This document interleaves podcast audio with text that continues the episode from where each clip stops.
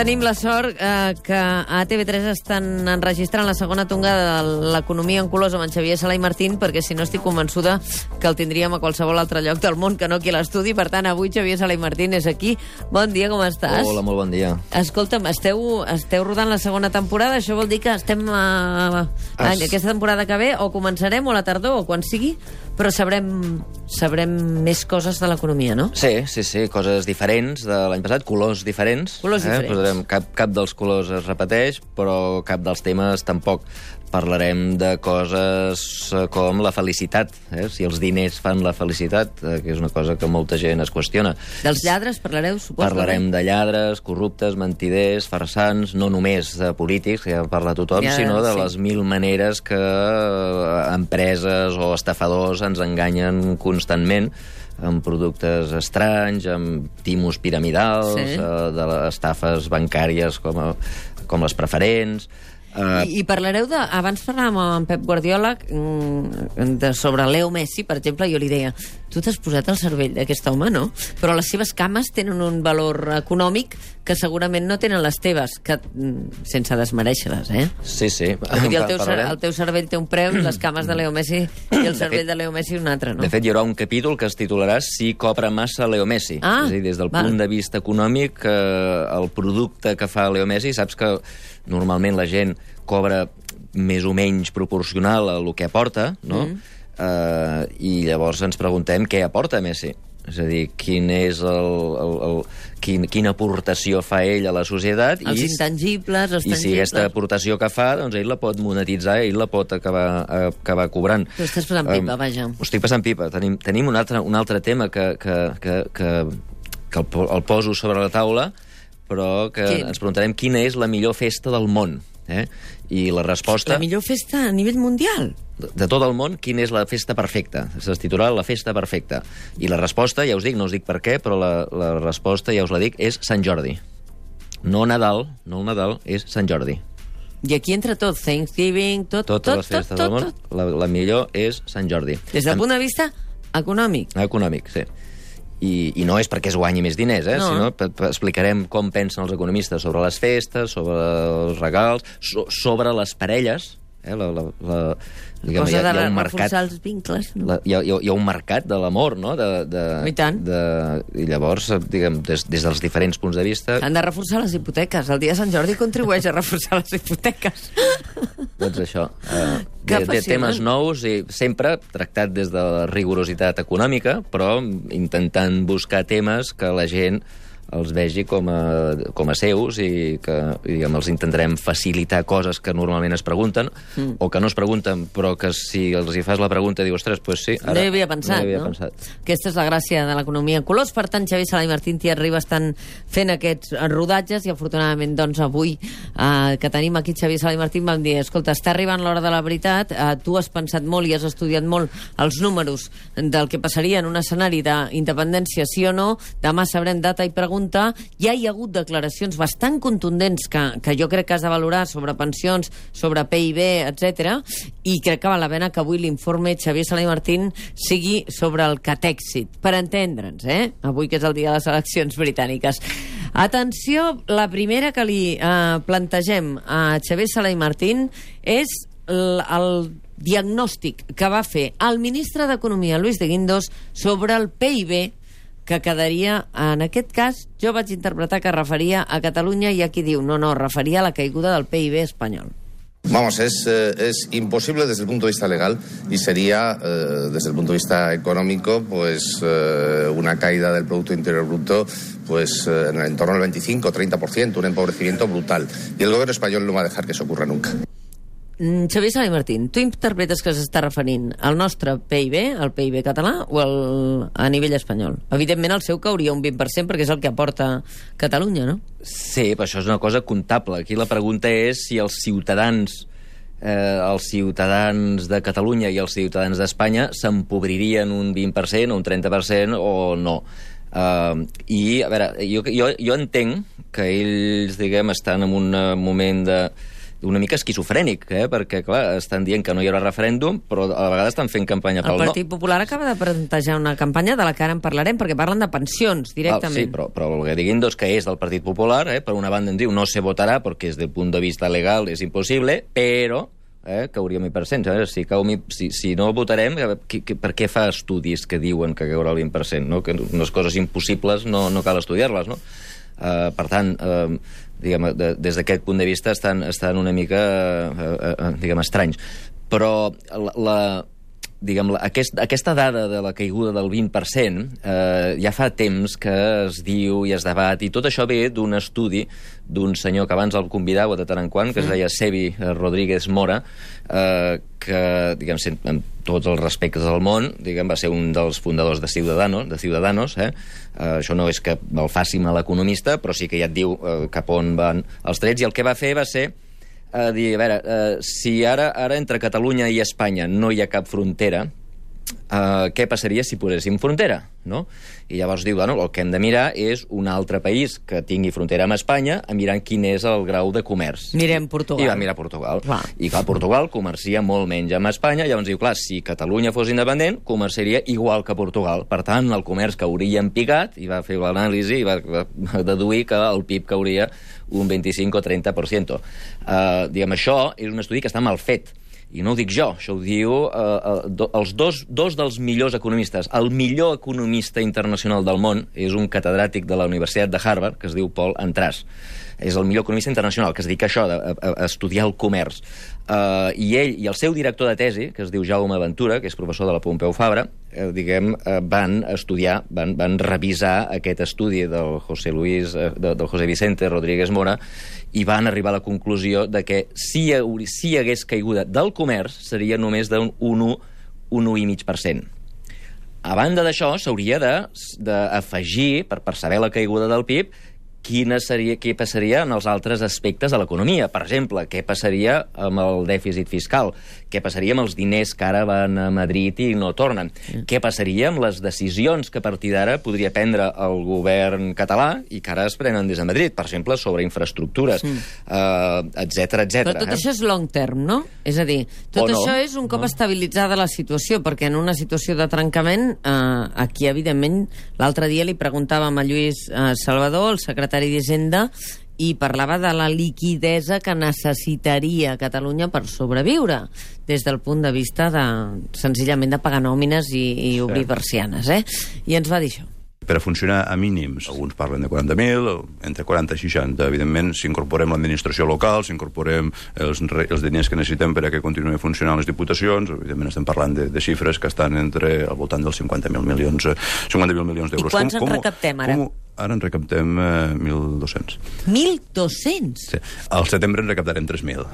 Clar, uh, si necessitem 50.000 i ara Catalunya Sí, recapta 1.200, Però ben això era- justets, dius. A veure, no, no, no, perquè, a veure, a veure eh, tu abans has parlat de llarg termini. Eh? El que sí que és llarg termini serà el canvi de comerç. És a dir, quan el de Guindos diu que era el comercio, Sí. o sigui, no és que tot Espanya de sobte deixarà de consumir productes catalans, entre les coses perquè ni ho saben. Eh? Quan porten un cotxe, quan importen No un cotxe... saben si les peces de les que porten... Exacte, hi ha trossos que venen d'aquí, trossos que venen d'allà, per tant, no, no és que puguin dir no, los, los trozos espanyoles, no? Quiero un cotxe sin volantes porque el volante se ha hecho en Catalunya. O sigui, això no tindria cap sentit. Uh, per tant, a, llarg termini sí que podríem, però a curt termini tot seguirà igual. Uh, sobre els calés, uh, diguem... El que diu és que la, diguem, la- l'agència tributària, a través dels mecanismes que ara li dona la, diguem, el, el, el sistema de finançament, només recapta un tros de- d'impostos especials, etc Sí, etc sí, coses molt molt petites. Òbviament, si tu ets independent, el, tot, el, tot el, diguem, el que ara paguen les empreses eh, a Hisenda en nom dels treballadors, recorda que els Sí, treballadors sí. no paguen els impostos ells directament, eh? Eh, a tu et retenen els calés, es retenen, les empreses es retenen els calés, els posen en un banc i el banc fa l'ingrés al Banco d'Espanya. Eh, Òbviament, el dia que hi ha independència, la llei diu que aquest ingrés que els bancs fan en nom de les empreses al Banco d'Espanya s'ha de fer amb un altre banc que està eh, eh, diguem, en nom de la Generalitat. Uh, I, per tant, dir què és el que recaptes ara i encara et falten 45 milions no, no té sentit, perquè les lleis seran diferents. Eh? Sí, les lleis seran diferents aquí, però amb un marc jurídic vigent allà. Per això et deia, al, al curt termini, si no hi ha un acord, aquí hi haurà una dificultat objectiva per part de, de Sí, les però- empreses i de la gent que tributa de dir, No, escolta, però és que la gent, no, la, gent no, la gent tributa nominalment. O sigui, però aquí la clau és que hi ha una empresa en nom teu que fa un dipòsit en un banc. Eh? Mm. Uh, tu no pagues impostos. No, la gent no haurà de decidir li pago a Espanya o li pago a Catalunya. La gent pensa això, que li passarà Ah, això. Però això no passarà. No passarà perquè tu no ho decideixes. O sigui, tu eh, tu no, tu no, tu no, tu no te n'adones que pagues impostos eh, fins al juny sí, que fas sí. la declaració. El juny, quan fas la declaració, dius, doncs, escolta'm, et falta pagar una mica més. Llavors sí que has de, has de fer una transferència o has de treure els xecs. Però I- jo vaig i demano cita i allà posa Agència Tributària Espanyola, Sí, diguéssim. doncs hi haurà una llei que dirà que per, has d'anar, si vas allà, doncs eh, tiraràs els calés a les escombraries perquè la, diguem, el qui li has de pagar i l'altre, si tu vols regalar calés a l'agència tributària, després et vindrà la catalana i et dirà, escolta, a mi no m'has pagat, i per tant tornes a pagar. Uh, però bueno, tot això serà una decisió del mes de juny. Durant tots els mesos que fins al mes de juny, aquí la clau és que els bancs que recapten els calés, que dipositen les empreses en nom dels treballadors, mm. aquests diners, en lloc de posar-los el, en el Banco d'Espanya els hauran de dipositar amb el banc que digui la Generalitat. I en els bancs aquests, si decideixen no fer-ho, aleshores seran ells els que hauran de- d'afrontar les, diguem, les penes de no pagar la, diguem, d'acord amb la llei. Jo, els, els meus, eh, diguem, els, els estudis que jo presento en un, en un gran llibre que he llegit, que es diu eh, És l'hora dels adeus, Un gran llibre de Xavier Salé Martín, per cert, del qual en vam parlar. Ah, bueno, és veritat, l'autor sóc jo. Bueno. Doncs, T'ha eh, quedat bastant digne, això, ara. doncs aquest llibre, aquest llibre ensenyo Ja parles, quin, quins són els números, exactament, quins són els números, quina serà la recaptació extra per l'IVA, la recaptació extraordinària per eh, IRPF, pels impostos especials, també de totes les despeses extres que haurà d'afrontar la Generalitat, coses que ara paga Espanya Que les i- haurà de i que pagar. les haurà de pagar i que com que moltes són duplicades, perquè es figura, mira que estem en un sistema en el qual hi ha moltes coses, moltes, moltes activitats que estan traspassades a la Generalitat, però el govern segueix tenint un ministeri, per exemple, l'educació, Eh? Doncs clar, ara estem pagant per duplicat. Doncs tot això, tots aquests estalvis, dic, no haurem de pagar un altre Ministeri d'Educació perquè ja tenim la Conselleria I d'Educació. qui ens deixarà diners quan els necessitem? És que això és el que anava a dir. No necessitarem préstecs. És a dir, els ingressos que tindrem extras, si li restes el, les despeses extras, eh? és a dir, el, el govern mm. ingressarà molt més i haurà de gastar molt més. Però, eh, diguem, els càlculs que, que jo faig és ingressos addicionals tindrà 47.000 milions, perdona, no tindrà.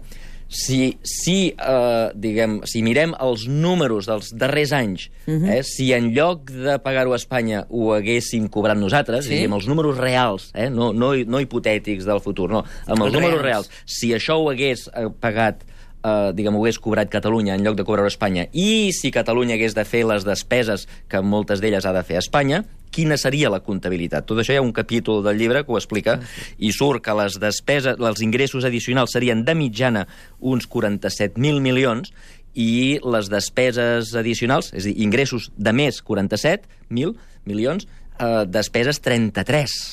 Per tant, fixa't que aquí hi ha una diferència Sí, sí, de sí. 14 que sobren. És a dir, no crec jo que hi haurà un gran dèficit, diguem, que s'hagi d'anar a demanar prestat. No crec. Uh, per tant, no, la pregunta de qui ens prestarà em sembla absurda. El que tampoc podem fer, i molta gent fa, és dir, escolta'm, és que ara Catalunya està demanant prestat, està demanant prestat a Espanya, el, El FLA, FLA. etc. Uh, però clar, això no compta perquè el FLA, diguem, eh, diguem el FLA, la- actualment hi ha una llei que diu que els impostos de Catalunya se'ls queda l'Estat, o la major part se les queda l'Estat. Llavors, uns quants els, els transfereix perquè eh, hi ha una llei que diu que han de pagar tant, tant, tant, tant. Resulta que en transfereixen menys del que ho diu la llei, estan obligats a canviar la llei des de ja fa un parell d'anys mm -hmm. i no l'han canviat, però bueno, eh, hi ha, hi, ha, hi, ha, hi, ha, hi ha un sistema que està en vigor ara Sí. eh, i el que no pots dir és dir amb el sistema que està en vigor ara tens un dèficit. Clar que tens un dèficit, perquè l'Estat et dona menys calés que necessites. Però eh, si ets independent, tots els calés els recaptaràs tu. I, per tant, no has de mirar quin és l'estat actual, sinó quin seria l'estat si tu, quin seria l'estat de les finances si tu recaptessis tot el que paguen dels catalans i haguessis d'afrontar totes les despeses que avui dia fan a Madrid, per exemple, la defensa, les ambaixades i tot això que ara paguen a Madrid, doncs hauríem de pagar nosaltres. Fas els números i a mi em surt que tindríem un superàvit bastant gran Eh?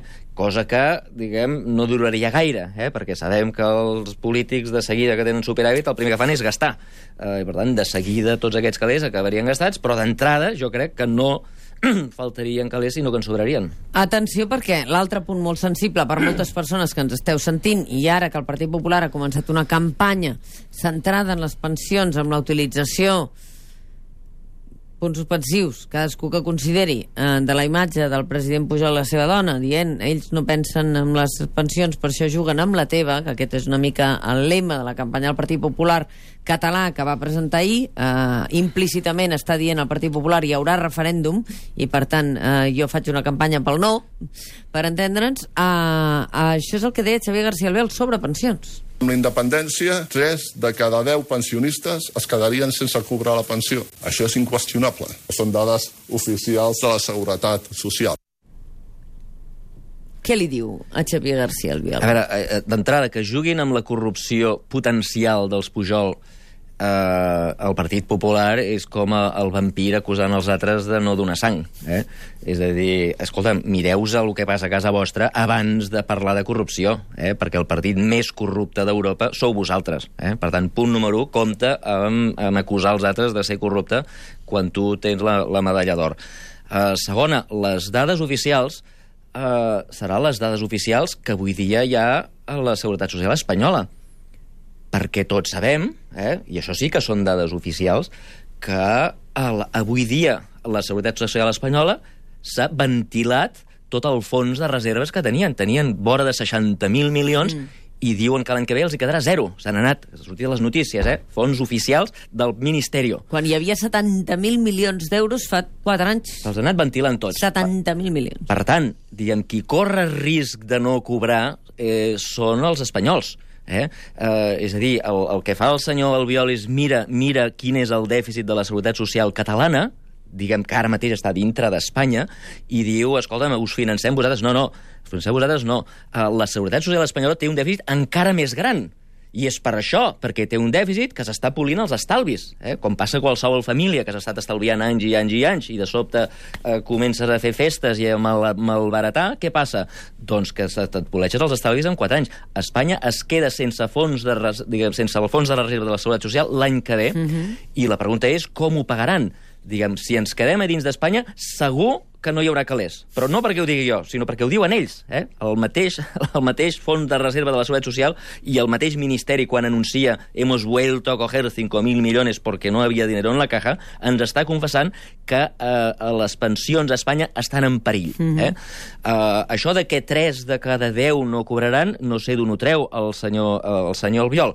El que sí sabem és que el, diguem, el sistema de pensions que hi ha ara a Europa, a gairebé tots els països europeus, inclòs Catalunya, no, no consisteix a diguem, amb, amb, amb uh, posar els calés en una caixa... Eh? Tu... I, el, I quan sigui velleta I... ja me'ls tornaran, Exacte. sinó que paga la gent que treballem. Ah, exactament. Ara és... nosaltres estem pagant pels nostres exactament. pares. És un sistema intergeneracional. És a dir, els que estan treballant ara cotitzen, tots els que esteu treballant sabeu que heu de pagar la Seguretat Social. Què passa amb aquests diners que pagueu a la Seguretat Social? Doncs es paga l'atur, es paguen diferents coses, però sobretot es paguen les pensions dels avis d'avui. Les pensions dels avis d'avui. El que treballen els joves d'avui va parar als avis d'avui. Uh -huh. I llavors, com cobraran aquests joves d'avui quan siguin avis? quan es jubilin ells? Doncs s'agafaran els diners dels joves de demà Estan treballant. i se'ls donarà als avis de demà. I, després, I així cada generació paga a la generació anterior. Així és com ha Ah. passat. Llavors, la pregunta, la pregunta és, eh, la pregunta és, a Catalunya hi haurà més joves que treballin? A Catalunya hi haurà més avis que cobrin? Eh, La resposta jo crec que és a, a Catalunya hi haurà més joves, els salaris seran més alts, i com que hi ha menys joves per avi, men, men, menys avis per jove, les pensions podran ser més altes del que són ara. Xavier Sala i Martín, moltes gràcies. Veurem què passa a Anglaterra. Anem a sentir les notícies. Ja en parlarem d'aquí 15 dies del que ha passat a Anglaterra. Amb Mònica Terribas, al matí de Catalunya Ràdio.